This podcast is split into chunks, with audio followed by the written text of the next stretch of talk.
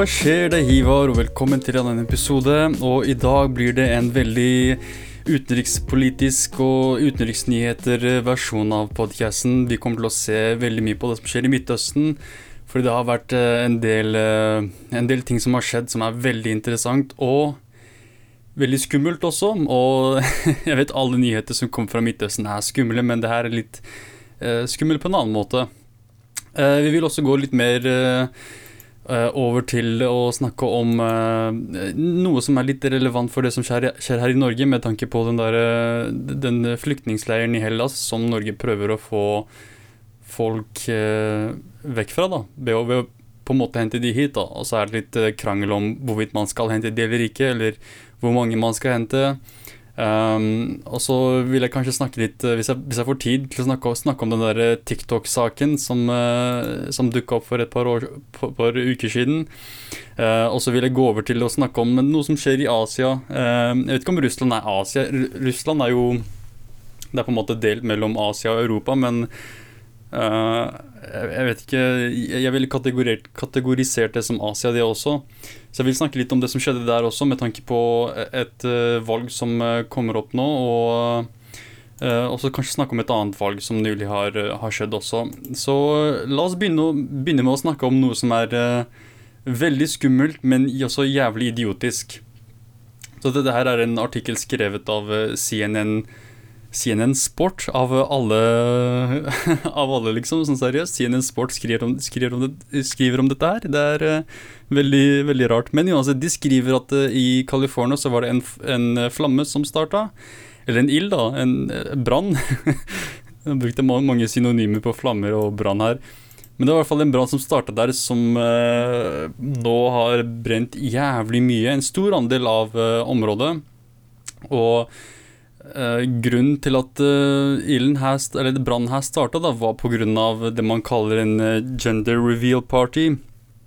Så greia er at uh, det, er, det er sånn internett-meme-greie som har spredt seg rundt overalt, egentlig. Det er, sånn, det er, ikke noe spesifikt for USA eller, eller noe sånt. Det er, det er, en veldig sånn internasjonal eller en global internettgreie hvor folk, et par da, som er gravid avslører sånn skjønnhet til barnet ved å ha en sånn stor fest hvor de, eh, hvor de enten bruker sånn eh, rosa eller blå whatever til å markere om det er gutt eller jente. Um, for det første er det veldig mange som, vil tenke Men å herregud, nå du, På en måte du tvinger barnet til å følge samfunnets normer for hva som er guttete og jentete ved å på en måte tvinge på barnet visse farger. Sånn at hvis du er jente, så må du gå rundt med rosa, hvis du er gutt, må du gå rundt med blå. Uh, så allerede der er det et problem for noen folk. Uh, men også har du bare det hele konseptet med å på en måte gjøre en så stor big deal ut av om det er gutt eller jente. Sånn, jeg husker I gamle dager så spurte du bare en person om du er gravid, gutt eller jente, gutt eller jente, og that's it. Men nei da, nå for tida så er alle spesielle. Alle er liksom superstars.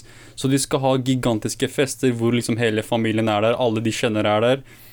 Og så skal de avsløre det på en sånn eh, grandios og sånn spesiell måte. Sånn, og alle prøver å liksom gjøre det kulere enn de andre, da. Så alle prøver å liksom få den kuleste reveal-partyen. Og de deler det liksom på internett og på sosiale medier på en måte for å, for å få likes og folks beundring osv. Ganske patetisk når jeg tenker over det. Ganske fuckings patetisk. Men det er, det er, sånn, det er sånn, situasjonen er, i hvert fall. Det er, det er det problemet her er. Og i dette tilfellet så var det en sånn gender reveal party, og de brukte um, pyroteknikk. så de brukte liksom ille... Ill, ild ildshow, brannshow, flammeshow, for å på en måte avsløre om det var gutt eller jente. Og dette lille showet deres endte opp med å brenne det de skriver her, 10,000 acres. La, oss, la, oss, oversette hvor mye en acre er til kilometer. Uh, bare for å gi deg en, en slags Ja, uh, så det blir nesten Ja, hvor mye Helvete, hvor mye blir det her, da? Uh, 0, en acre er 0,6 0,06 km. Så ca. sånn 660 60 meter? What? Jeg forstår ikke. Men i hvert fall en stor flamme, en stor brann, mener jeg, som har liksom på en måte herjet over hele, hele, sånn, hele Southern California her. El Dorado Fire kaller de den. Uh, I San Bernardino County. Uh, spesifikt er det 10.574 acres. Holy shit. Uh, og alt dette her fordi noen ville liksom på en måte avsløre Avsløre barnet sitt, skjønnet til barnet sitt da, på en spesiell måte. Og var det virkelig liksom verdt det? Sånn, når man ser på all den destruksjonen som er blitt uh, påført som et resultat av Ja, det at du på en måte vil at du tror liksom at ditt barn er spesielt, ditt liv er så spesielt at absolutt alle må vite om det, og alle burde, burde lære om det. Og nå, gratulerer, nå vet hele verden om, om, om den lille festen din, da. Men en ting jeg ikke får informasjon om her, er om hvorvidt barnet var gutt eller jente. Så det tenker jeg litt Eller jo, det, det viser at det var en gutt. Det var blå flammer, tror jeg. Det er bilde av blå flammer her, så det var nok en gutt. Så denne gutten her kommer liksom til å ha en, et sånn cursed liv, hvor liksom uh, hans, uh, hans kjønn Eller det bare det, det, at vi vet hva hans kjønn er, da. Hans identitet kosta oss så mye uh, Så mye skade, da. Så han, han, han, har vært med på å bidra til global oppvarming før han, før han har blitt født. Så han har veldig mye å gjøre opp for seg, altså, stakkars lille kid. Um, men det var i hvert fall det. så vær forsiktig som hvis du får en kid. Bare post, post noe på Facebook og si 'yo, jeg, jeg får en sønn'. Jo, det blir en liten jente. Er, det, er, det, så vanskelig? Er det så spesielt? Sånn, Jesus Christ, bare, bare si, si, hvilket skjønn det er. Hvorfor skal du på en måte leke så deilig og starte noe så stort? Uh, er det virkelig så viktig? Jeg, jeg, skjønner at for veldig mange så er det en big deal, fordi det er kanskje det første barnet deres, og de tenker å, dette er veldig spesielt. Og det er jo det til en viss grad, men ikke så spesielt at det bør liksom gå utover alle sammen. Uh, dette er jo snakk om delstaten California, og det har nylig vært flere branner. Dette er ikke den første.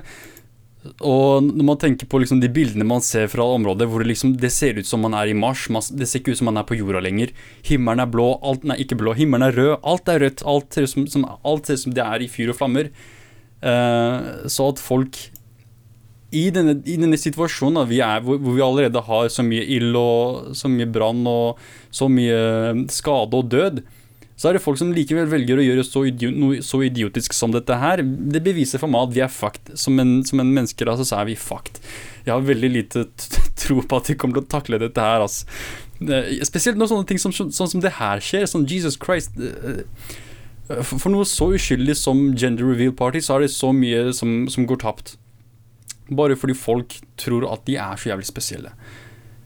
Så, sånn er det bare. Men uh, det, det, må vi bare tåle også, at uh, vi er omringet av idioter. Um, men det er ikke den eneste brannen som uh, har vært i media i det siste. hvis du har, kanskje, du har kanskje hørt om den der Moria-leir-saken i Levsos. Så greia er at det er en sånn flyktningsleir i Hellas. I Hellas? På Hellas? I områder som er kjent som Hellas. I dette området så er det en sånn flyktningleir uh, hvor veldig mange flyktninger er. Uh, og det har liksom vært spørsmål rundt dette her i norsk politikk, da, om hvorvidt uh, vi skal hente noen, og om hvordan vi skal gjøre dette her. Hva skal vi kreve fra andre europeiske stater? Hvor mange skal vi hente? Hvem skal vi hente? Så det har vært diskusjoner om dette her i norsk, ikke bare norsk media, men også norsk politikk.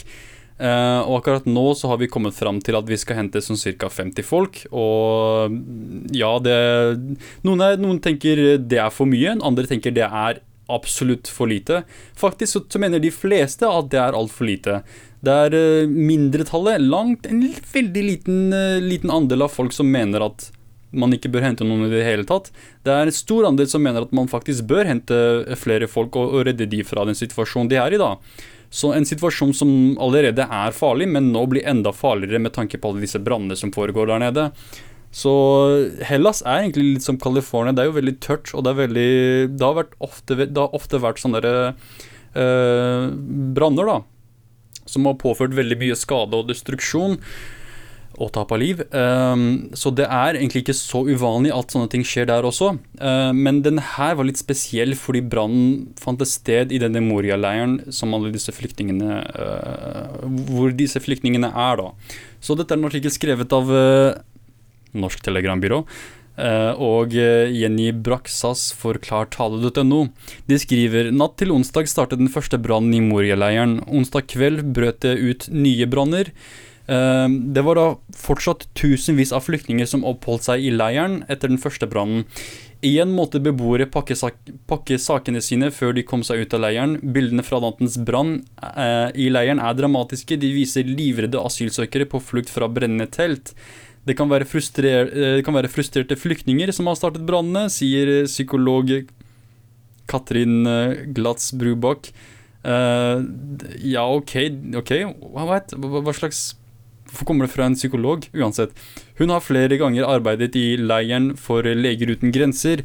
Dette skjer pga. Eh, feilslått og inhuman politikk over flere år. Hvis du stenger folk inne under slike forhold, så vil det på et eller annet tidspunkt smelle. Det har vi jo advart om i lang tid. Ok, nå gir det mening. Jeg tenkte kanskje hun mente at å, dette er bare fucka, fucka folk i huet som bare på en måte starter en brann for, for, å være fucka. Men nei, det er, det er, et resultat av frustrasjon, og når, når, hun sier det på den måten her, så forstår jeg godt hvis det, hvis det faktisk er tilfellet hvor, uh, hvor en, en, en, person som på en måte bor i dette området her, har tent på det selv, da, ut av frustrasjon over den politikken de har uh, kommet borti. da. Fordi Når du tenker på hvordan Europa selger seg selv, imaget til Europa er demokrati, alle har rettigheter, frihet, uh, sånn progress fremskritt, alt dette her sånn, Det er dette imaget som Europa liksom har spredt rundt hele verden. At de er liksom De er de mer uh, sånn uh, Ja, hva kaller man det? De, de, de, sånn gode folk, da. Sånn gode mennesker. Bedre enn, uh, bedre enn oss i Asia og Afrika, fordi de har det så fint der. Så Europa er liksom paradis, da. Det er det imaget Europa har på en måte solgt i flere tiår nå. Så når folk fra tredjeverdensland tenker å, la oss, la oss, dra til Europa, fordi der er, det, der er, det, frihet, der er det likestilling, der er det rettigheter, der er det menneskerettigheter, der kan vi faktisk på en måte leve et ordentlig liv, da. Og så kommer de hit, og så blir, blir de behandla som søppel. de blir behandla som søppel, de blir takla mens de prøver å løpe, de blir faen meg uh, angrepet, de blir faen meg anklaget for å være voldtektsmenn og, og mordere og terrorister og Eh, og, og, feiginger og alt, alt det. Også samtidig så blir de møtt med de, den politikken de har blitt møtt med, da. Og all denne rasismen som også har på en måte begynt å vokse i Europa nå, da. Så tenker de sånn What the fuck? Det, det, det, det er ikke dette jeg forventet. Jeg trodde Europa var liksom så mye bedre, og så kommer jeg hit, så er det stort sett det samme drittet som i hjemmelandet. Så hva faen? Så de selvfølgelig blir frustrerte, så jeg kan, jeg kan godt skjønne den situasjonen de asylsøkerne er i. Da. De som blir frustrerte og på en måte er med på å starte dette smellet, da, som, som uh, Katrin Glatz Brubakk sier til NTV her. Uh, videre skriver de her Senere onsdag kveld ble det meldt at om lag 4000 asylsøkere forsøkte å ta seg til havnen i Mytilini Eh, de ville om bord på ferjer til fastlandet. De har kastet eh, stein på politiet som sperret veien. Noen tente på jorder i nærheten. Eh, og politiet svarte med tåregass, men det er ikke kommet meldinger om pågripelser eller skader. Så Jesus Christ, de, de folka som faktisk ikke har noe med denne brannen å gjøre, prøver å komme seg unna. og så blir de møtt med blokader av politiet. så hva faen skal de gjøre, da? Så det, er, snakk om over 4000 asylsøkere som prøver å rømme fra den øya som er i flammer. Uh, og så kommer politiet med tåregass. Så det er liksom det, det, er akkurat det jeg snakker om jeg mener at sånn, Europa selger seg selv som demokratisk og menneskerettigheter. Vi er så gode. Vi er så flinke. Mm. Og så kommer folk hit, og så, og så kaster vi tåregass på dem for å våge Hvordan våger du å komme til mitt land, din jævla flyktning? Her får du tåregass i kjeften. Um, og jeg overdriver ikke. Jeg overdriver ikke sånn er, folk får tåregasskanner rett i trynet sitt også. Er, bare se på det som skjer i USA. Det er, veldig, det er ikke uvanlig at politi, som er en gjeng med kukksugere uansett hvor du bor Sorry, norsk politi. Uh, så er liksom Det er ikke uvanlig at på en måte politiet uh, driver med sånn uh, vold da, og, og misbruk av sin makt og, og, er stort sett fæle. da Så det, skal man ikke, det, det tviler jeg ikke på at politiet på en måte har reagert så sterkt som de har her. Um, videre skriver de ingen har mistet livet eller blitt alvorlig skadet i brannen natt til torsdag. Uh, ifølge Notis Mitararakarikis Sorry. Uh, veldig rart navn. Som er migrasjonsminister i Hellas. Uh, de har bodd nesten det har bodd nesten 13 000 mennesker i leiren. Det skal nå være i en Eller de skal nå være i en ferje. To marinefartøy og mange tusen telt. Dette sa ministeren på en pressekonferanse, og 400 og åtte av de flyktningene er enslige mindreårige. De skal fraktes til fastlandet og settes i en leir nord i landet. Så det er litt interessant, dette aspektet her, det med 408 av flyktninger som er enslige mindreårige. Eh, og samtidig så er det snakk om at det er 13 000 mennesker som bodde på leiren, og det var 4000 som prøvde å flykte. Eh, disse 408 enslige mindreårige er jo en av de årsakene til at veldig mange norske politikere i hvert fall da, er veldig sterkt imot det å på en måte hente disse, uh, disse flyktningene i Moria til Norge, fordi de tenker nei, nei, nei, det er ikke som om det er ikke som om et mindretall av det. Nei, nei, alle! Det er inntrykket de gir. Alle disse flyktningene i denne Moria-leiren er mindreårige gutter fra Afghanistan. Bare se på han Jon Egelheim, Hegelheim, Leim, Leim, Leim Han, han faktisk morapuleren fra Frp, han derre utenriks... Nei, eh, innvandringspolitisk talsmann for Frp. Han beryktede rasisten. Han mener jo at da det er bare mindreårige gutter fra Afghanistan. Det samme sa en KrF-er. Det er derfor de ikke vil ha flyktninger fra dette området til Norge. Fordi de ikke vil ha afghanske gutter i Norge. Mindreårige enslige afghanske gutter. Folk som basically ikke har noe igjen. Som, hva er det de har i landet sitt hjemme i Afghanistan? De har, de har, uh, de har krig og vold og bomber og fuckings uh, kaos. Så våger de å komme til Norge, liksom, eller våger de å komme til Europa. Og uh, her er det ikke noe hjelp å få, spesielt ikke fra sånne folk som Frp-ere og KrF-ere. Um, som er veldig rart. Jeg trodde alltid KrF-ere var sånn åpne for innvandrere fordi Jesus var en innvandrer. Eh, men nei, nei, nei, det KrF også er veldig konservative i Norge for en eller annen grunn. I det siste, nylig. Eh, mange vil argumentere fra tidligere så var de veldig, veldig liberale på innvandringspolitikken sin, men ikke i dag. Um, og de andre partiene har jeg, har jeg, hørt veldig lite fra. De eneste som jeg mener har vært veldig flinke med dette her, er sånn veldig uh, Flinke til å også på en måte snakke om det og spre budskapet sitt, er MDG. Og jeg vet at det er veldig mange andre partier, SV og, og Rødt, og hva med oss, og hva med oss? Ja, kanskje være litt flinkere med, med, med, med, med marketing, vil jeg si. Ja, dere har fin politikk dere òg, men vær litt mer flinke til å være med i debatten. Der tror jeg MDG er veldig mye flinkere til å på en måte delta i debatten og, og vise styrke. Men uansett, uh, Moria-leiren skal ikke bygges opp igjen, det sier ministeren. I stedet skal landet ha en lukket leir. Oh, det høres ikke bra ut. Uh, men det er uklart når dette skal skje, og hvem som skal være i den leiren. En lukket leir igjen. Nå snakker vi om en situasjon hvor folka blir putta i et fengsel. Så Du flykter fra krig og alt det der og, kaos, og så kommer du til et land i Europa hvor det liksom er lovet frihet og, og demokrati og menneskerettigheter, og så blir du putta i en lukket leir. Som er et annet ord for fengsel. Så jeg vet ikke helt uh, hvordan dette her liksom er en forbedring av saken. Det er jo absolutt ikke det. Uh, mange av disse folka som var frustrerte, vil nå bli enda mer frustrerte. Det kan jeg garantere deg. Um, og det, det, forstår jeg godt. De er jo mennesker. Det er det, det er de mange som, som, ser på disse folka her. De ser bare tall. 13 000, 400, 4000, 2000. De ser bare tall, men det er snakk om mennesker. Og alle disse menneskene har jo på en måte de eksisterer. Så de har tanker, de har, de har, mål, de har drømmer, de har ting de vil med livet sitt. Og det tenker man ikke ofte på. Det, og da blir det veldig lett, når du på en måte ikke kan relatere til dem, så blir det veldig lett å nekte dem deres menneskerettigheter. Og det er akkurat det problemet her er i Norge også, hvor det for oss da blir veldig vanskelig å relatere til asylsøkere i, i Levsos. Så det blir veldig vanskelig å relatere, og da blir det veldig, veldig lettere på en måte å, å på en måte se bort ifra deres rettigheter. Se bort ifra det faktum at de faktisk er mennesker også, og på en måte har visse ting her i livet som de vil oppnå. Eh, eller bare visse, eh, visse, visse tilstander som de gjerne hadde likt. Som det å ha et tak over hodet, det å ha, ha rene klær, det å ha mat og tilgang til vann. Sånne enkle ting. En jobb. Eh, muligheten til å ta vare på familien sin og oppdra barna sine. Men eh, nei da, ifølge Frp så er det bare enslige afghanske gutter, og de vil komme her og knulle våre norske jenter, og det kan vi ikke ha noe av. Uh, Jævla tullinger. Men ja, la oss Sorry, men det er sant. Tar jeg feil? Er, er, det ikke derfor, etter, etter, min mening, da, så er det derfor alle disse Frp-erne og KrF-erne og alle disse rasistene som er imot tanken om enslige mindreårige gutter, da, er fordi de er redd for at de skal komme til Norge og voldta alle de norske jentene.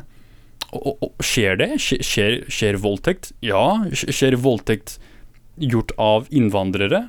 Ja, voldtekt er liksom Det er ikke noe, det er ikke noe rasisme i voldtekt. Liksom, voldtekt er voldtekt. Men for en eller annen grunn så tror du at alle disse, disse folka fra Midtøsten eller Asia eller Afrika sånn, har liksom en, en, spesiell gen i seg som gjør at de er mer voldtektsmenn enn en, en nordmenn. Og jeg vet da faen hvor det kommer fra. Det er jo bare frykt. Det er jo sånn en, en, en fobi. Det er, det er, en irrasjonell frykt uh, som de har. Og det er en perfekt måte å beskrive disse rasistene på. Irrasjonelle folk som uh, frykter så å si alt. Um, men la meg ta en kort pause, så kommer vi tilbake for å snakke om noe mer elendig. Og jeg vet at jeg håper at de, dere som lytter på, ikke blir på en måte demotivert og trist av alt jeg snakker om her, men det er bare det som skjer i verden. Det er ikke alltid man har gode nyheter.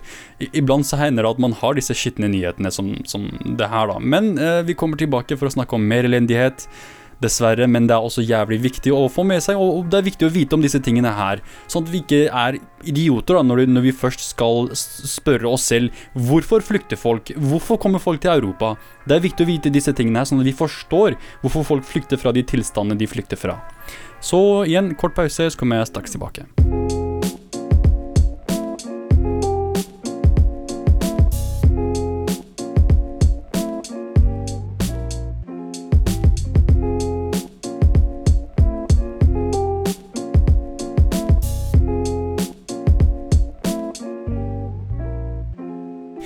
Så da er jeg tilbake, og nå tenker jeg vi kan gå over til å snakke om det jeg lovet. Mer elendighet. Så dette her blir litt uh, fokus på Midtøsten fortsatt. fordi det er jo stort sett der mye av elendigheten i verden foregår. Men det er ikke eksklusivt der. Vi kommer til å, kommer til å spre oss videre sånn resten av verden. Uh, sånn, ja, uh, sorry. Vi kommer til å se, se, på resten av verden også, se at det er mer elendighet der også, og ikke bare i Midtøsten. Så, men først, la oss holde oss til Hellas. Så Hellas er i en liten konflikt med Tyrkia. Uh, og man kan uh, argumentere for at hvem er ikke i konflikt med Tyrkia? Alle er i konflikt med Tyrkia. Alle hater fuckings Tyrkia fordi Tyrkia gjør så mye idiotisk. Uh, og ingen liker Tyrkia, eller ingen liker Erdogan, da, hvis vi skal si det riktig. Det blir feil å på en måte skylde på hele tyrk, den tyrkiske staten for, for, det en dum politiker som Erdogan fremmer, da. Så det er ikke bare det er, det er, ikke tyrkerne som et folk som er fucka i huet her. Det er nok bare Erdogan. Uh, men uh, Hellas og Tyrkia har vært i en konflikt i det siste, og konflikten handler stort sett om Du kan gjette. Handler det om uh, menneskerettigheter? Nope. Handler det om Handler det om miljøvennlige initiativer? Nope. Handler det om olje, gass og penger? Absolutt. Uh, så det er det konflikten handler om, stort sett. Men det er litt mer uh, komplisert enn bare det. det. det. er snakk om områder i havet, da. På vannet. Så det er liksom konflikt som Ok, Tyrkia mener at disse områdene har Tyrkia rett på, mens Hellas mener yo, det, det er ikke ditt homie. Dra hjem. Det er, det er ikke ditt område. Kan du fucke off? Kan du slutte å bore etter olje på vår område? Mens Tyrkia mener what? What?! Dette er mitt område, hva snakker du om? Og så er det den konflikten som foregår der hvor de sier det er min område, det er mitt område, det er mitt område, og så kommer noen andre og sier nei, nei, nei, yo, det er mitt område. Og så kommer Bulgaria og sier yo, yo, yo, det er mitt område. Så, sånn, så blir det en konflikt. Så blir det en fuckings konflikt fordi en av de sier vet du hva, nei, fuck you, det er mitt område, og jeg er villig til å beskytte det. Jeg er villig til å beskytte min rettighet til å være i dette området med våpen. Med, med, med, med krig, da. Og det er det som er frykten når man først er i slike situasjoner, er at det er det som kommer til å på en måte eh, bli det, det, verste resultatet som kan skje da. Og det som er interessant, er at Hellas og Tyrkia um, Derfor jeg mener at Europa spesielt bør følge med på denne situasjonen her, er at disse to landene her, det er her alle disse flyktningene fra Afrika og Asia og resten av verden kommer til for å komme seg til Europa. Um, sånn, det, det, er, det, er, de to landene som på en måte er portene til Europa. Noen vil si Italia, Spania osv., de også, men i stor grad Hellas og Tyrkia. Uh, så hvis disse to landene ender opp i en uh, væpnet konflikt da, hvor de på en måte er i krig med hverandre, så kan jeg garantere deg at de kommer til å bruke sin uh, innflytelse på Europa gjennom deres, på en måte, deres kontroll av flyten av flyktninger til å på en måte få visse allierte på sin side. Og jeg tror hvis Tyrkia først starter en konflikt, nå er det min mening her, hvis det skjer, så tror jeg nok de fleste europeiske maktene kommer til å lene seg på Hellas sin side. Fordi Hellas er jo en europeisk, en europeisk stat, men det er jo ikke Tyrkia. Tyrkia har lenge forsøkt å bli en, en europeisk stat, men de har på en måte blitt nektet, uh, nektet medlemskap i, i, den europeiske unionen. Uh, men Hellas er det. Og lenge har europeerne tenkt sånn ah, kan, kan, ikke Hellas bare dra? Kan de ikke bare komme seg ut av EU? Fordi det har vært sånn, på en måte økonomiske eh, problemer i Hellas. da. Og det er det som gjør det her litt mer skummelt, er at Hellas er jo ikke en sånn en stat på likt nivå som Tyskland, Storbritannia, Frankrike eller Italia engang. Hellas har det veldig vanskelig. De har lenge hatt det veldig vanskelig. Så når du på en måte legger på flyktninger, da, altså gjøre situasjonen til grekerne enda vanskeligere ved å, ved å liksom gi de ansvaret for alle flyktningene, noe som er situasjonen. Um, og igjen, Det som irriterer meg med at vi i Norge ikke hjelper, er at vi lar Hellas liksom ta all ansvaret og si 'fuck dere'. Alt, liksom, det er en takken Hellas får. for sin lojalitet og fuckings uh, Og på en måte være medlem av EU så lenge. Er liksom Ja, fint for deg. Lykke til med alle disse flyktningene. Vi skal ikke gjøre en dritt. Um, men det er ikke rettferdig. Det er selvfølgelig noen land i Europa som har hjulpet, men uh, du forstår hva jeg mener. det er fortsatt veldig, veldig stor ansvar uh, Hellas har fortsatt en stor andel av ansvaret når det kommer til disse flyktningene. Um, også samtidig så legger du på fuckings konflikt med Tyrkia. Så kan du skjønne at Hellas liksom er under veldig mye press, da. Og samtidig, på Tyrkias side, så har du den Det er ikke nødvendigvis eh, økonomiske vanskeligheter, det er jo det. Det har vært en periode hvor uh, tyrkisk økonomien også har blitt svekket, men ikke til samme grad som Hellas, og heller ikke til samme grad uh, når det kommer sånn til sånn politisk stabilitet. Jeg vil mene at Tyrkia, selv om det er selv om landet er i konflikt med Syria og nå i Nord-Irak, hvor de driver med aktiv bombing av sivile folk fordi de er på jakt etter PKK, er eh, noen de mener er en stor trussel for Tyrkia, selv om de bomber Syria og Nord-Irak, og ikke Tyrkia, hvor PKK tydeligvis skal være. Um, men uansett, så, så, så, er det fortsatt Så har Tyrkia en, fortsatt en, en, en sånn viss stabilitet som eh, Hellas ikke har. Um, vil jeg mene, da. vil jeg si. Kanskje noen, noen, vil være uenig med akkurat det. Men uh, selv om på en måte Tyrkia også har det litt bedre, så, ikke, så, vil, så, er ikke, så, er det ikke sant at på en måte de har det veldig godt, de heller. De har jo også på en måte samme ansvaret med disse flyktningene, og det har lenge uh, Tyrkia, i hvert fall, eller Erdogan, har lenge truet Europa med, med, å på en måte sende masse flyktninger inn til Europa hvis ikke Erdogan får gjøre som han vil, da. Og det er en uh, veldig sånn en smart, en smart, strategi for Erdogan, fordi da får han som han vil. Fordi igjen, europeerne vil ikke ha noe med disse flyktningene å gjøre. Vi gjør på en måte alt vi kan for å ikke ta imot disse flyktningene. Så vi støtter Tyrkia, vi støtter Hellas, vi støtter i, i håp om at de ikke skal slippe flyktningene løs på oss. Det høres helt fucked up ut, men det er sånn situasjonen er, basically. Flyktningene blir holdt som en trussel mot oss for at vi, som, for at vi liksom ikke skal uh, blande oss for mye i situasjonen i Tyrkia. Og det er akkurat det som skjer når du ikke blander deg inn i situasjonen diplomatisk, er at Tyrkia får all denne arrogansen. de får aldri, Plutselig har de baller av stål og skal true Hellas. Uh, og, og, true Armenia, og true Nord-Irak, og true Syria, og true Bulgaria. Og true alle sine naboer med å ta over deres landområder. Han ene, en av Erdogans nærmeste allierte i, i, i, i landet, da, postet et bilde av greater Tyrkia, eller som et stort Tyrkia, som inkluderte store deler av Hellas, store deler av Bulgaria, Armenia, Nord-Irak og Syria. Hva slags greie er det? Plutselig har de fuckings imperialistiske ambisjoner? Hva faen? Og det er akkurat det som skjer når du gir, når du gir disse morapulerne, disse autoritære diktatorene, for mye makt, er at de føler at de kan gjøre hva faen de vil. Og til en viss grad så kan de egentlig det, fordi igjen, Europa de, de, er, de, er, for redde til å gjøre noe som helst. Fordi de vil ikke ha flyktninger, de vil ikke ha brune mennesker. Så det blir veldig vanskelig på en måte å gjøre noe med det. Og jeg mener ikke å gjøre det her liksom altfor alt for liksom simplistisk. det er ikke bare snakk om brune mennesker.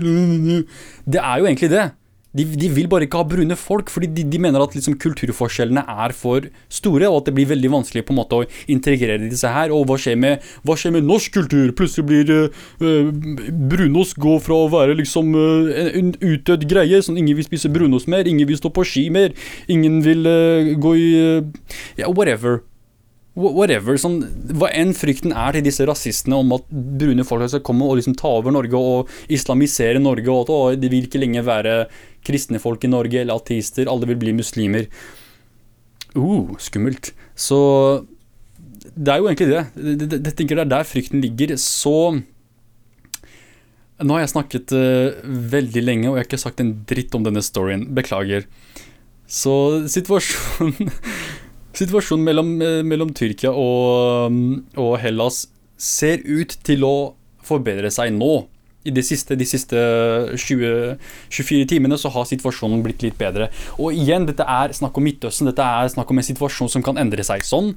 Men vi må liksom ta gode nyheter der vi kan få de. Og tydeligvis så virker det som om, uh, ifølge Associated Press, så virker det som om uh, de, er, de er villige til å snakke om situasjonen ikke villig til å håndtere situasjonen eller løse situasjonen, men snakke om det.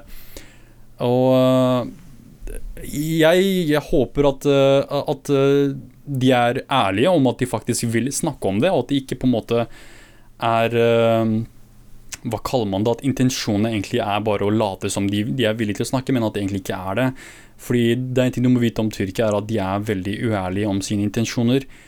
Vi, vi vil redde vi vil, åh, du skjønner oss ikke, bare. Vi vil redde araberne. Vi vil redde dem, vi vil hjelpe dem. Det er derfor vi finansierte islamistiske terroristgrupper som knulla kurderne og drepte alle sammen og pulveriserte landsbyene. Det er fordi vi vil hjelpe. Det er derfor vi gjorde det. Vi vil hjelpe kurderne. Vi vil hjelpe oss tyrkere også. Det er derfor vi bomber sivile kurder, i Nord-Irak og bomber hele grensa. Det er derfor. Det er derfor. Er, det er ikke fordi vi er imperialistiske. Det er, ikke, det, er ikke fordi vi har ambisjoner om å ta over Midtøsten og bli det neste sultan, sultanriket, det neste kalifatet. Det er ikke derfor. Det er fordi vi vil hjelpe. Så det er situasjonen til Tyrkia, altså. At de er veldig uærlige. Så jeg håper at dette steget da er et ærlig steg, og et hvis det er det, så er det et positivt steg også.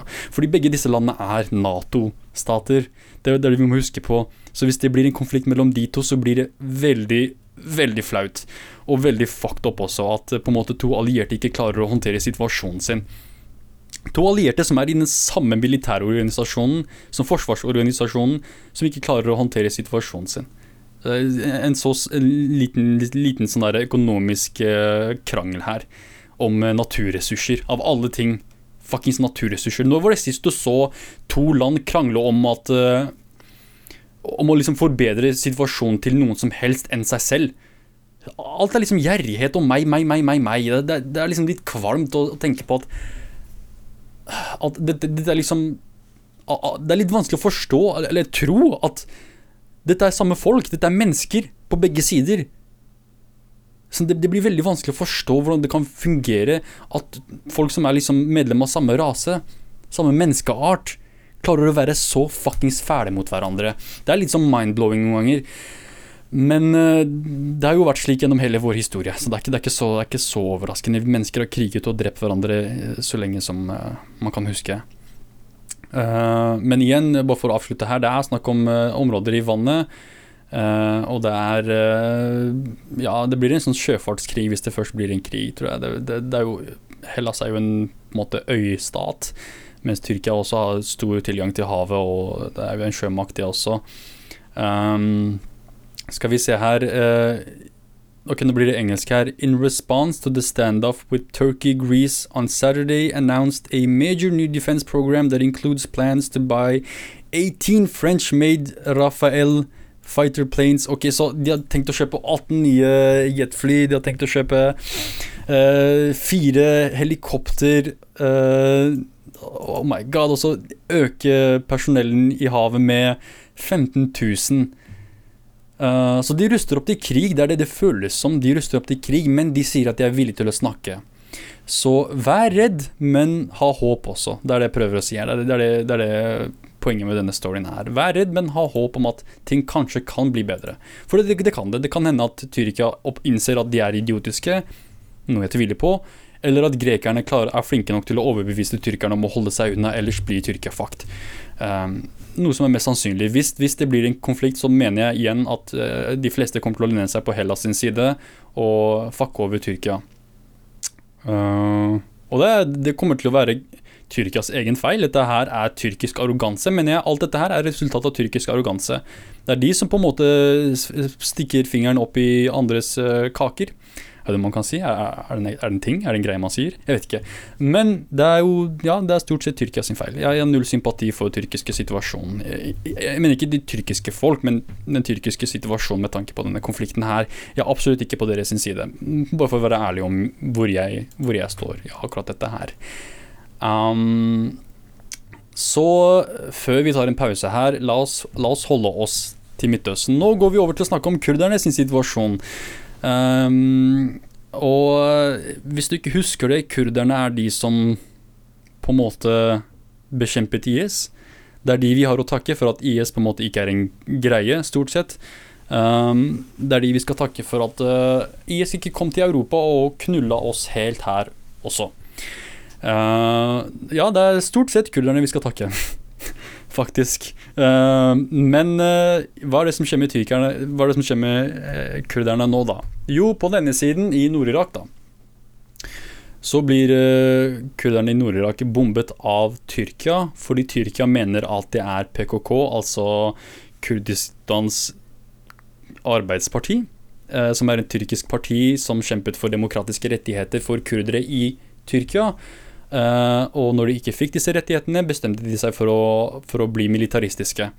Og dette er på 80-tallet. Og siden da så har på en måte PKK og, og, og Tyrkia vært i en konflikt. Um, og den konflikten har vart helt fram til nå. Uh, ikke for å si at det er den eneste konflikten Tyrkia har hatt med kurdere. Nei, nei, nei. Kurderne har hatt store konflikter med Tyrkia veldig lenge. Siden, siden Tyrkias grunnlegging. Siden, siden, før det ottomanske riket fantes. Um, uh, og Tyrkia er veldig De er veldig flaue over sin kurdiske minoritet. De vil helst at folk ikke vet om det. De vil helst at folk bare glemmer det. Eh, de har gått så langt eh, som å si at eh, kurdere ikke finnes, men at det man kaller kurdere, er egentlig det som er kjent som fjelltyrkere. Fjelltyrkere. Så hva kaller man de, de kurderne i Nord-Irak, da? Fjellirakere. Fjellpersere og fjellarmenere og fjell uh, syriere Syriere? Arabere? Fjellarabere. Uh, så det er liksom så langt de går da, fra å benekte kurdernes eksistens. Og når kurdere kommer og sier vi vil ha demokratiske rettigheter, så kan du, kan du, kan du love på jeg kan, love at de liksom nekta det også. Og ikke bare demokratiske rettigheter, men de nekta hele, hele den kurdiske identiteten. Tenk deg hva som innebærer når, du, når, vi, når vi, snakker om å benekte noen deres, deres egen identitet. Det vil si, de får ikke lov til å gå med de klærne som tilhører deres kultur. De kan ikke gå med Uh, ikke, ikke gå med, men De kan ikke snakke det språket som tilhører deres kultur. Og kurderne er jo et folk som har flere forskjellige dialekter, og, og det er stor forskjell mellom de forskjellige typene av, typen av språket de snakker i de ulike deler av Kurdistan. Um, du kan ikke lenger ha kurdiske navn. Det er noe fucked up. Uh, du kan uh, Ja, hva mer? Du kan ikke snakke kurdisk. Det, det er liksom For, for enhver kultur så er språket en stor del av identiteten. Så når du ikke kan gjøre det engang, når du ikke kan synge sanger, når du ikke kan uttrykke kunst med dette språket, med denne kulturen, så benekter du kulturens eksistens. Så det er jo, det er jo veldig alvorlig. så det er ikke rart at kurdere på en måte har blitt pusha til det pointet Vent litt, nå må jeg si det på norsk her. De har blitt uh, eh, dytta til det nivået presset til det nivået Sorry. De har blitt presset til det nivået hvor de på en måte ikke har noe annet valg enn å, enn å på en måte uh, plukke opp våpen da, og kjempe for sine rettigheter gjennom, uh, gjennom vold. da. Og jeg skal ikke nekte for det. PKK har, har gjort terrorangrep, de har gjort veldig mye fælt. Men uh, hva kan man si om Tyrkia? De har gjort alt det Hva enn PKK har gjort, hva enn de har gjort, Tyrkia har gjort det verre, hundre ganger verre. Skjønner du? liksom Tyrkia har gjort det, Hva enn det er PKK har gjort, Tyrkia har gjort noe som er verre, og de har gjort det hundre ganger verre.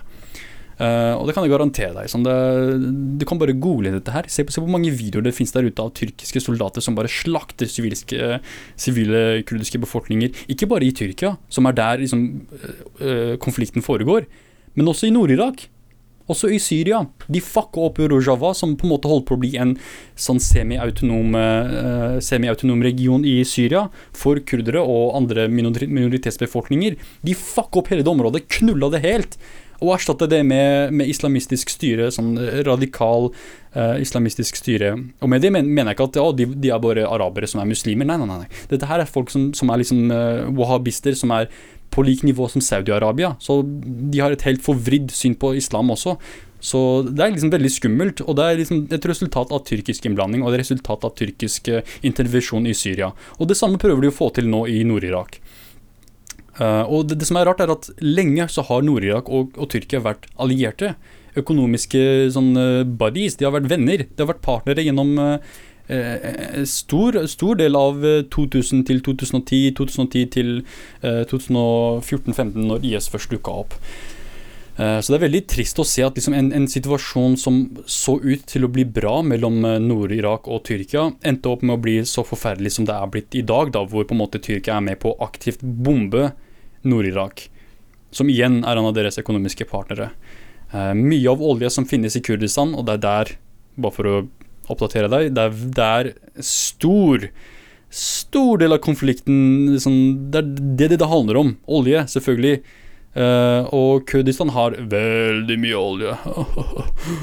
veldig mye olje. Så Så ikke rart at det er så mye konflikt. Da. Det er ikke rart at Tyrkia vil på en måte invadere det området og, og gjøre det til en del av Tyrkia, fordi de vil ha olje.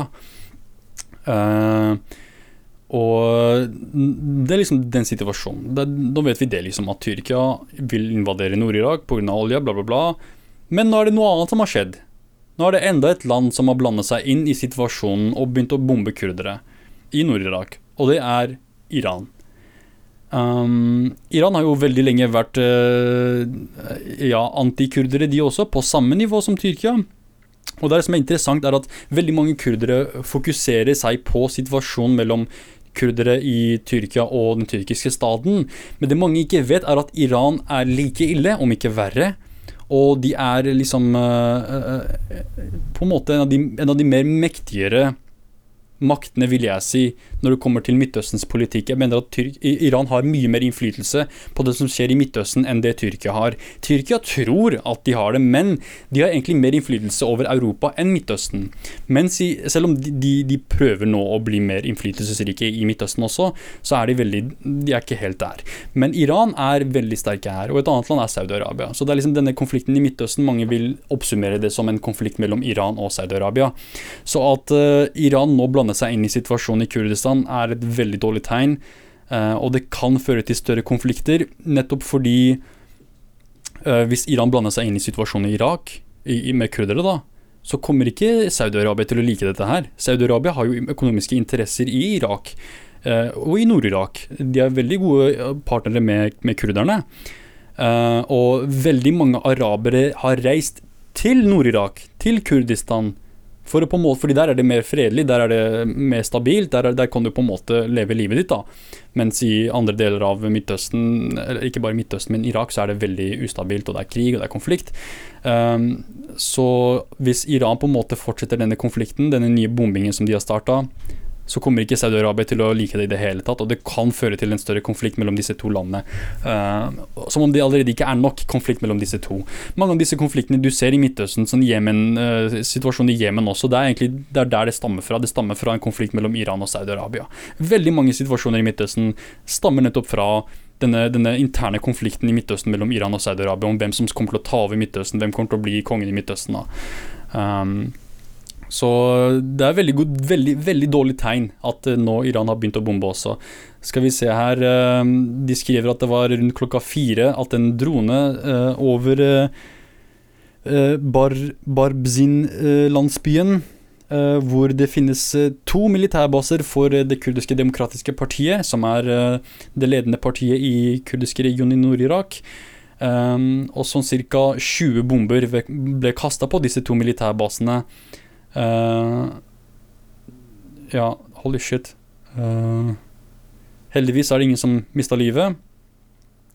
Men uh, han har også dere, Mohammed Majid, som er chieften, han er høvdingen i denne, dette, dette, denne, landsbyen, mener at liksom, dette her kan være veldig dårlig for uh, de familiene som bor rundt området her, som er sivile. da, fordi dette er ikke første gangen Iran på en måte har bomba uh, bomba Nord-Irak. da, Hvis du husker når USA drepte Hva heter han, generalen herregud, det navnet på tunga, men jeg glemte det helt. Han, generalen i, i, Iran som ble drept i Bagdad av amerikanerne. Uh, det førte til at Iran eh, reagerte med å, med å bombe Irak. da. Uh, og med Irak mener jeg Nord-Irak. De, de bomba Kurdistan som, som, hevn for at Soleimani det var den het, for at Soleimani ble, ble drept av, av, amerikanerne. Og Der også var det angrep på militærbase, og det var uh, stort, det gikk stort sett utover lokalbefolkningen og bønder og alt det der. Og det er samme situasjon her også.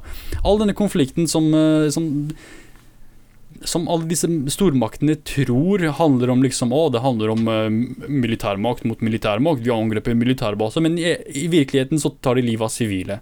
Det samme med, med, Tyrkia. De tror at vi, vi angriper eh, PKK, vi, vi mener ikke å angripe sivile folk. Men hvem er det som dør?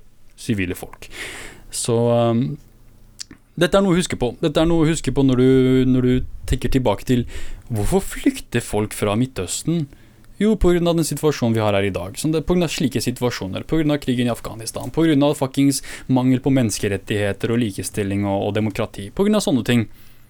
Ting som uh, vi mener er på en måte bra, da. Uh, demokrati, ytringsfrihet, sånne ting. Det, er jo ikke bare vi som mener at det er bra. Alle, alle mennesker mener at det er bra. Alle mennesker vil ha disse menneskerettighetene. Det er jo fine ting. Så ikke rart at de på en måte kommer til Europa da, og på en måte vil ha en uh, bit av kaka, de også. Og bare for å oppsummere på slutten her om konflikten mellom kurderne i Iran og iranske staten. Um, en kurdisk politisk Kaller man det politisk fange? Har fått døds, dødsdøm hva heter det på norsk? Dødsstraff. Sorry. Herregud, det er så vanskelig å oversette direkte fra engelsk til norsk. Men det, det, det, det finnes ikke noen norske artikler om disse sakene her. Så du må bare tolerere at jeg leser som en, leser som en idiot når det kommer til direkte oversettelser her. Uh, så greia er at uh, Iran har veldig lenge drevet med aktiv uh, henrettelser av kurdiske politiske aktivister. Uh, og det er jo fordi de, de, er jo redd for hva det kan føre til. Hvis, hvis, det er stor aktivisme blant kurderne, så kan det en dag føre til uh, massebevegelser, det kan føre til protester, det kan føre til demonstrasjoner, det kan føre til opprør. Og Irans uh, som på en måte svar på denne, denne trusselen, da, denne trusselen om demokrati, er å henrette kurdiske aktivister. Og dette har de gjort veldig lenge. Veldig mange sitter allerede i fengsel nå og blir på en måte sulta i hjel og, og banka opp hver dag og torturert. Um, og, men det som er interessant med denne saken her, er at personen som blir henrettet, ble lovet immunitet. Han ble lovet å liksom på en måte Ja, ja, du bare fortell oss uh, situasjonen, så slipper du unna, så går det greit. Og når han liksom på en måte gjorde det han kan, da, så ble han likevel eh, dømt til døden. Um, dette er eh, informasjon som er funnet fra Kurdistans Human Rights Network. Um, og Behruz, som er eh, denne, denne stakkaren, Shakir Behruz, som er blitt uh, dømt til døden. Uh, skal vi se her, Advokaten hans sier at han ble offisielt uh, varslet om dødsstraffen i dag. og han var medlem av det kurdiske demokratiske partiet i Iran. Så jeg snakket om det kurdiske demokratiske partiet i Nord-Irak, som er det ledende partiet der. Iran har en lignende variant av det partiet Uh, og på en måte å drepe henrette en person fra det partiet jeg, jeg skjønner ikke hvordan hvordan det på en måte kan være med på å få bedre relasjoner mellom Iran og Nord-Irak, altså Kurdistan i Nord-Irak. Fordi nå har du liksom drept, uh, drept en, henretta en person fra søsterpartiet til det partiet som du sitter i konferanserommet og later som alt er, glad, alt er bra med, og du smiler og er glad. Det er veldig sånn uh, Veldig mørkt å tenke på at, liksom, at, det er mulig for de på en måte på den ene siden ta livet av ta livet av en person som har samme ideologi som den personen som du sitter i, sitter i et rom med og diskuterer økonomi og, og, og, og vekst med. Veldig, veldig fucked up. Spesielt fordi Iran også har store økonomiske interesser i Nord-Irak. De er med på veldig mange av disse infrastrukturprosjektene. Uh, og de har liksom en stor, en stor, eh, andel av handelen som foregår i Iran og Kurdistan, på en måte er uh, eh, kobla sammen, og det er relatert. Uh, så at de likevel velger å på en måte være så fæle, det, det er veldig vanskelig for meg å forstå. Sånn uh, moralsk, sett, moralsk, sett, Politisk så forstår jeg hvorfor de gjør dette her, sånn, og strategisk, men sånn moralsk sett så forteller det meg at dette, Iran f.eks. er moralsk korrupte folk. Sånn, ikke folket, men ledes som styrer i, i, Iran. Um, å herregud, jeg blir helt deprimert av dette her. Beklager altså for hvis jeg, hvis jeg fucker opp uh, stemninga di helt. Altså. Men uh, jeg tenker det er greit å ta en kort pause akkurat nå, så kommer jeg straks tilbake for å snakke om uh, Eh, jeg vil ikke kalt det mer elendighet, men eh, mer interessante nyheter, da. Sånn, eh, det er ikke nødvendigvis elendig. Så jeg kommer straks tilbake for å snakke om mer elendighet. En kort pause.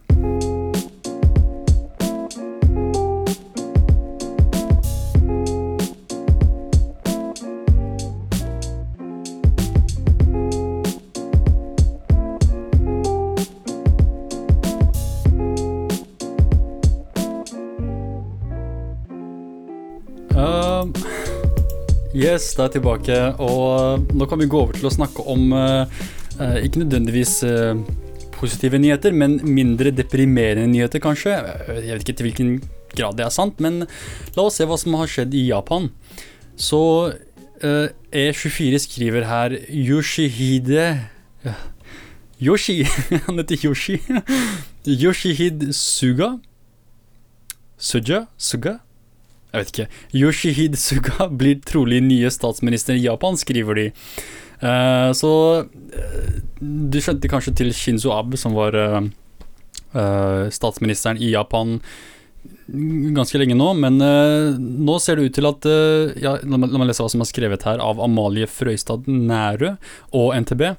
De skriver Yoshida Suga er valgt til ny leder for det liberaldemokratiske partiet i Japan, siden, eh, siden partiet og koalisjonsparten Komeito har flertallet i nasjonalforsamlingen, er den nye partilederen nærmest garantert å bli valgt til nye statsministeren. Um, han har eh, Ok.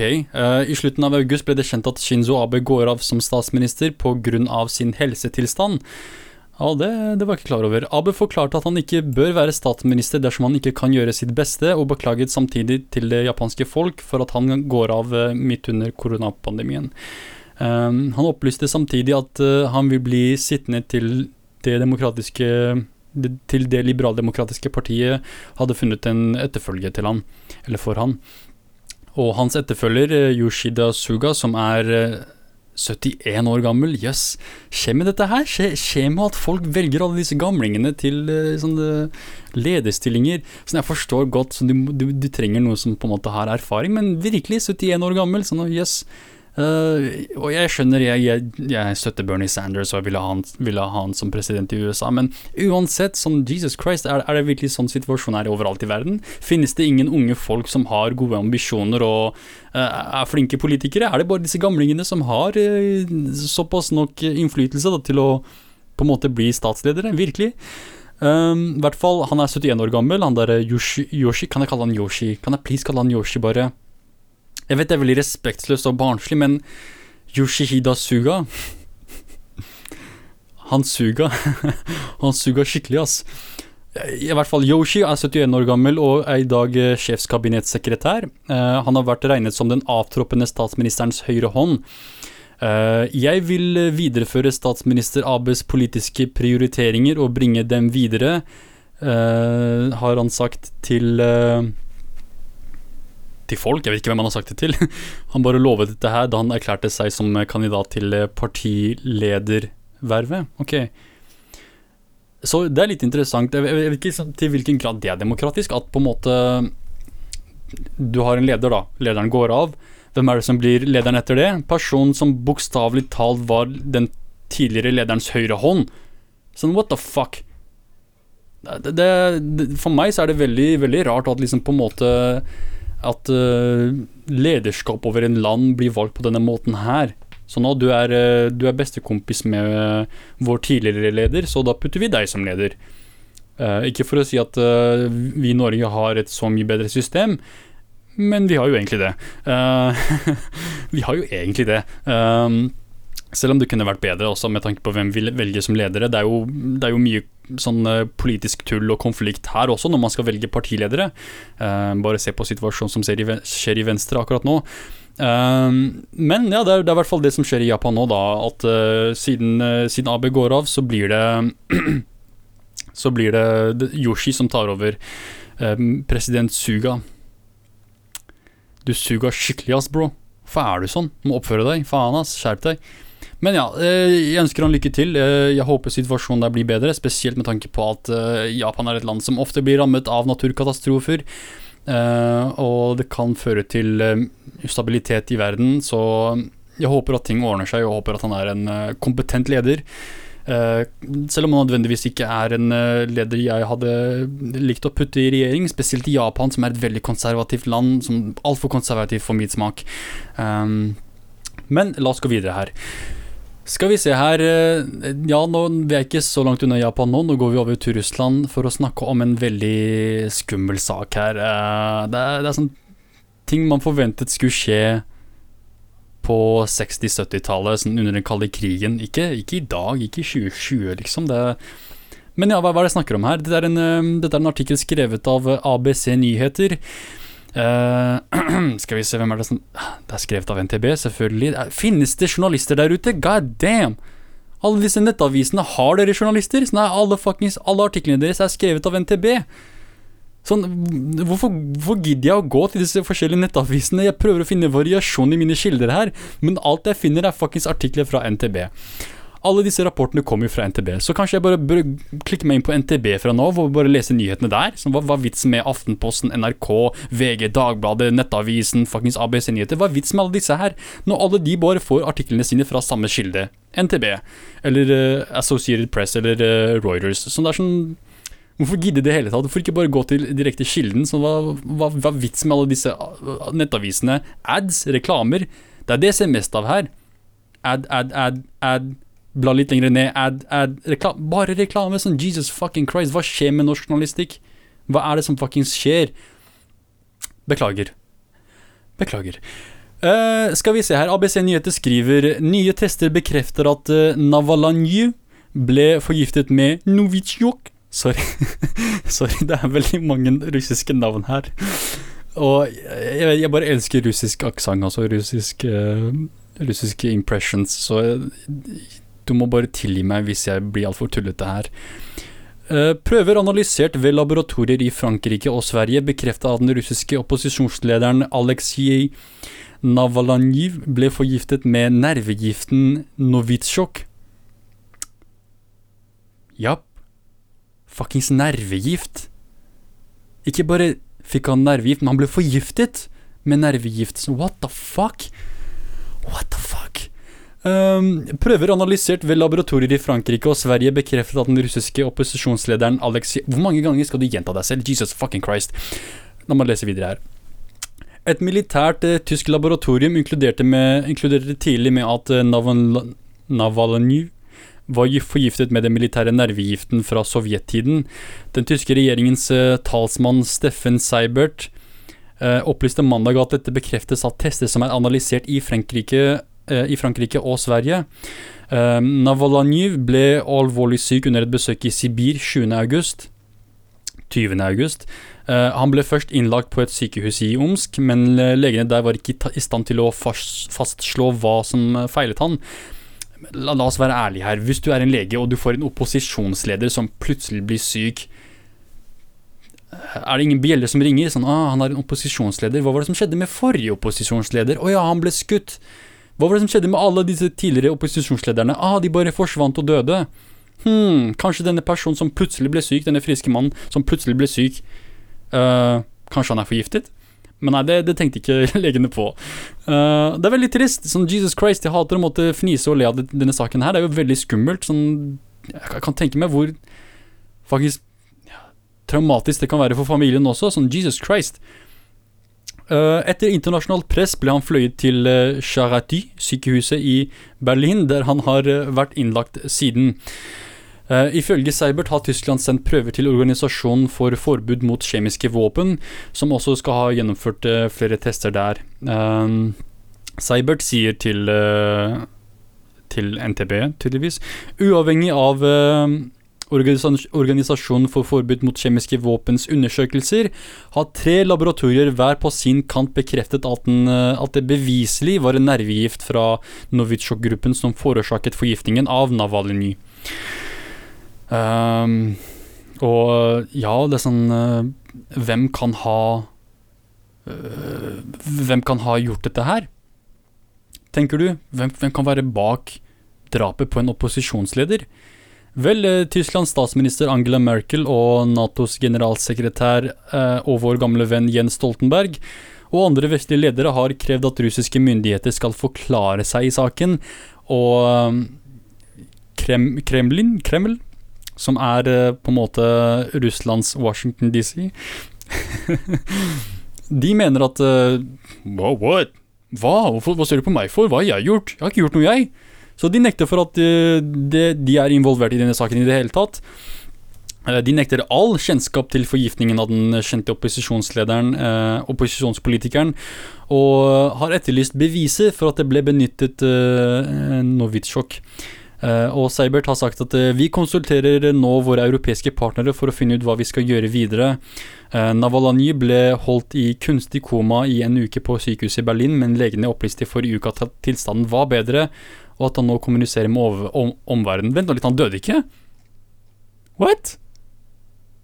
Seriøst, han døde ikke? Han bare, han bare ble forgifta og nå begynner å bli bedre igjen? Well, Jesus Christ! Det, det er gode nyheter, da. Holy shit, det er dritgode nyheter. Holy fuck. Takk Gud for det, liksom. Han, han døde ikke. Sånn dritbra. Jeg kan garantere at han er fucked, at uh, livet hans er blitt helt ødelagt nå, men takk Gud at han i hvert fall er i live. Sånn, herregud. Um, skal vi se her, det, var, det, er uklart om han har påført varige skader som følge av forgiftningen. Vel, det kan jeg garantere deg. Sånn når du blir forgifta, så er det veldig, veldig, vanlig at du på en måte har varige skader, spesielt når det kommer til nervegift.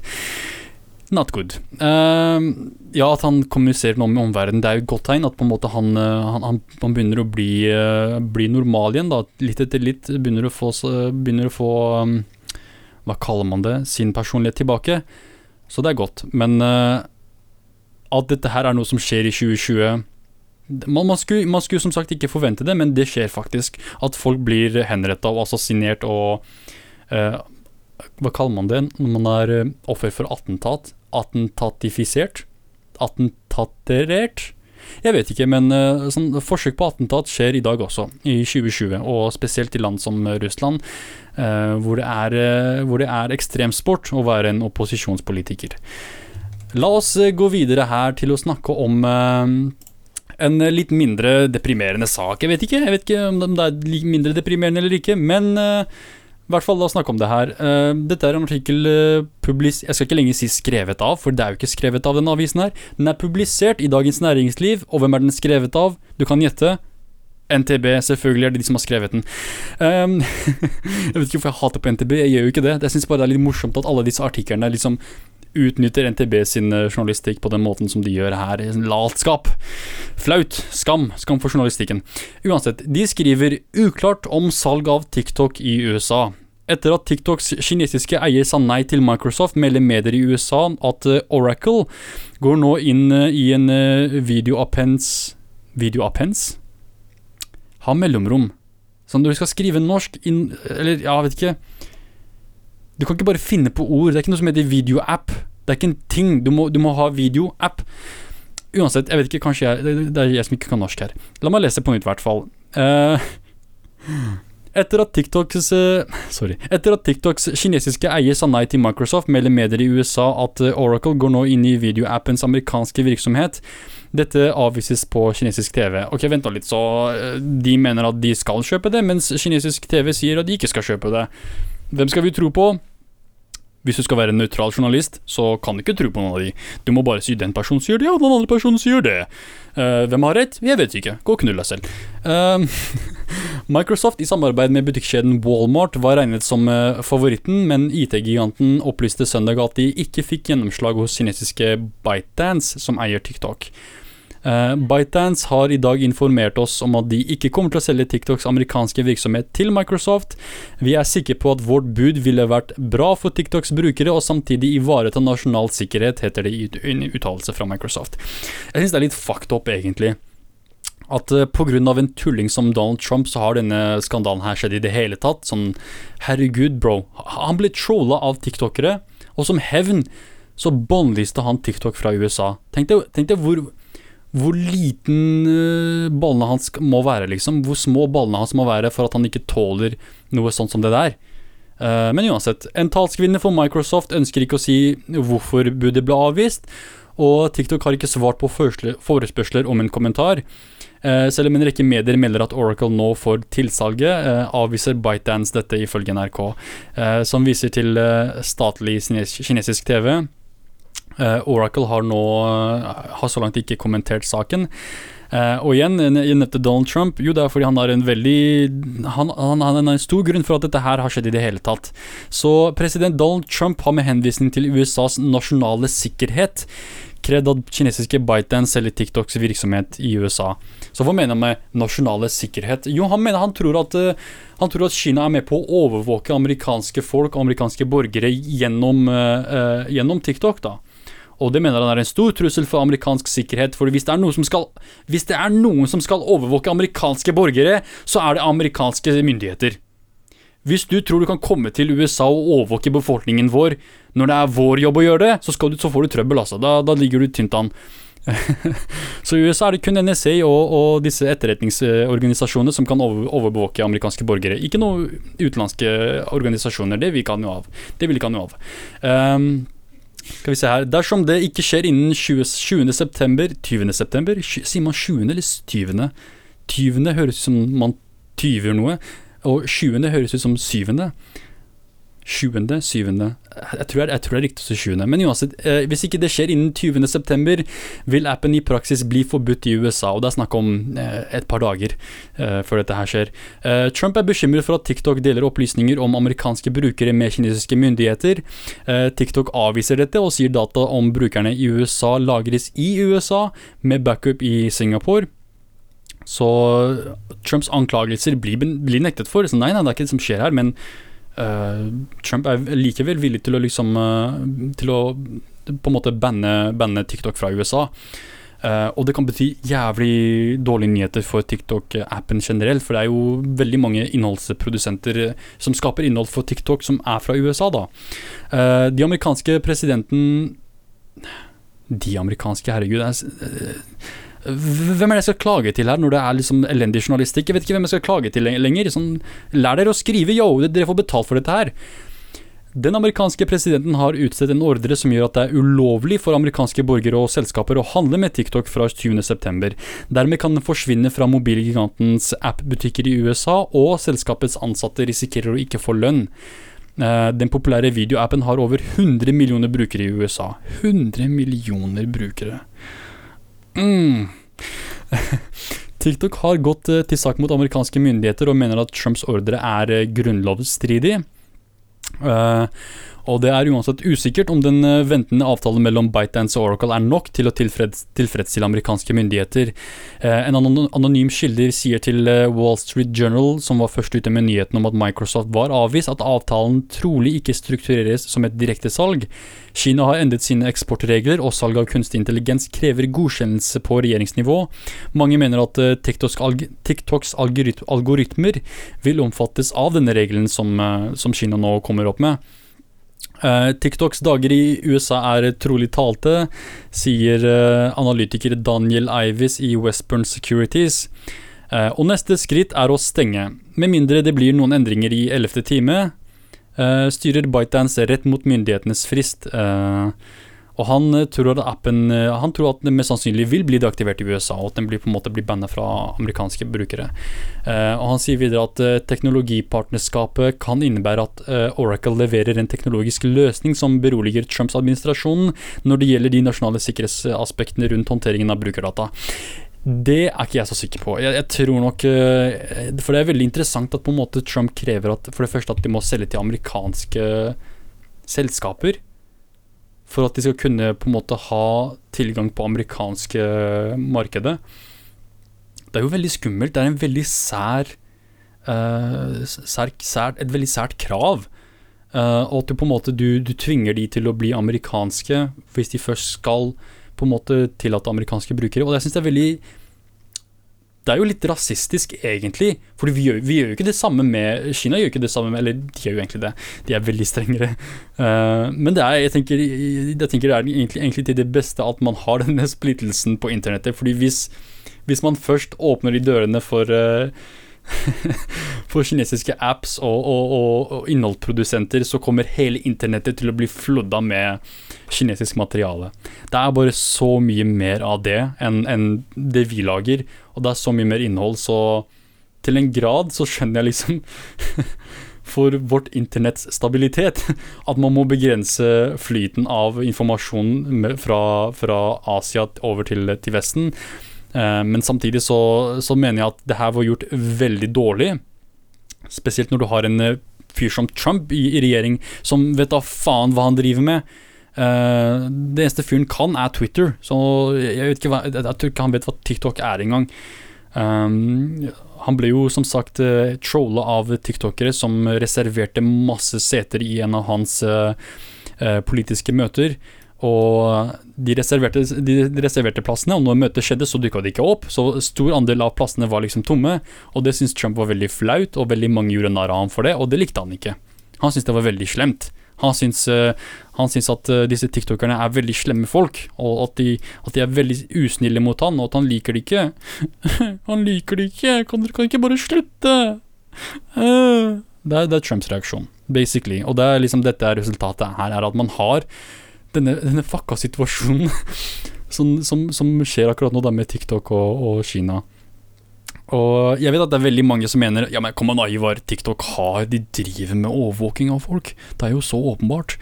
Uh, og til det svarer jeg Fortell meg en app som ikke gjør det. Hvilken app der ute er det ikke som faktisk stjeler din private informasjon og selger det til andre selskaper? Har du ikke noen gang, har du ikke noen gang bare hatt mobilen på og så snakker du om oppvaskmiddel. Noe random. Du, du, hva som helst. Du snakker om kattemat. Du snakker om uh, høyttalere. Bare med en kompis eller en venn. Du bare snakker om det, og så mobilen din på. Og så surfer du på mobilen din bokstavelig talt fem minutter etter det, så finner du masse reklame for oppvaks, oppvaskmiddel, for kattemat og for høyttalere. Er ikke det litt sånn Wow, hvordan, hvordan visste mobilen min at jeg trenger disse tingene? For, for, for, nå får jeg masse reklamer om disse her. Jo, fordi informasjonen din, det, det, du sier, alt det der blir tatt opp og sendt og solgt videre til uh, selskaper som på en måte lager skreddersydde annonser til deg for at de skal selge deg ting. Uh, velkommen til kapitalisme slash teknologi i 2020. Men uh, sånn er det bare. Så at liksom Kina har en informasjon jeg, jeg tenker bare so what? Det finnes ikke noe privatliv lenger. Det gjør jo egentlig ikke det. Hvis du vil ha privatliv, må du liksom gå helt liksom off the grid. Du må liksom leve helt uten teknologi for å ha noe som helst privatliv. Um, og sånn er det bare. Sånn, sorry, ass, men det må vi bare tåle. ass. Det er den verden vi lever i nå, og den der mangelen på privatliv. Det er bare sånn det er. Og vi, vi, kan gjøre så mye vi kan. Vi kan prøve så hardt vi kan, og på en måte å sikre visse rettigheter når det kommer til privatliv. Vi kan begrense stat, vår egen stat så mye, som, så mye som mulig, men til syvende og sist så er det veldig vanskelig, og jeg mener det burde være sterk, strenge lover på akkurat dette her. Og jeg mener at alle, alle brukere av enhver app, enhver whatever, bør ha full tilgang og full rettigheter til sin informasjon og data. Og det vil være opp til den personen selv om den personen vil selge den informasjonen til andre selskaper.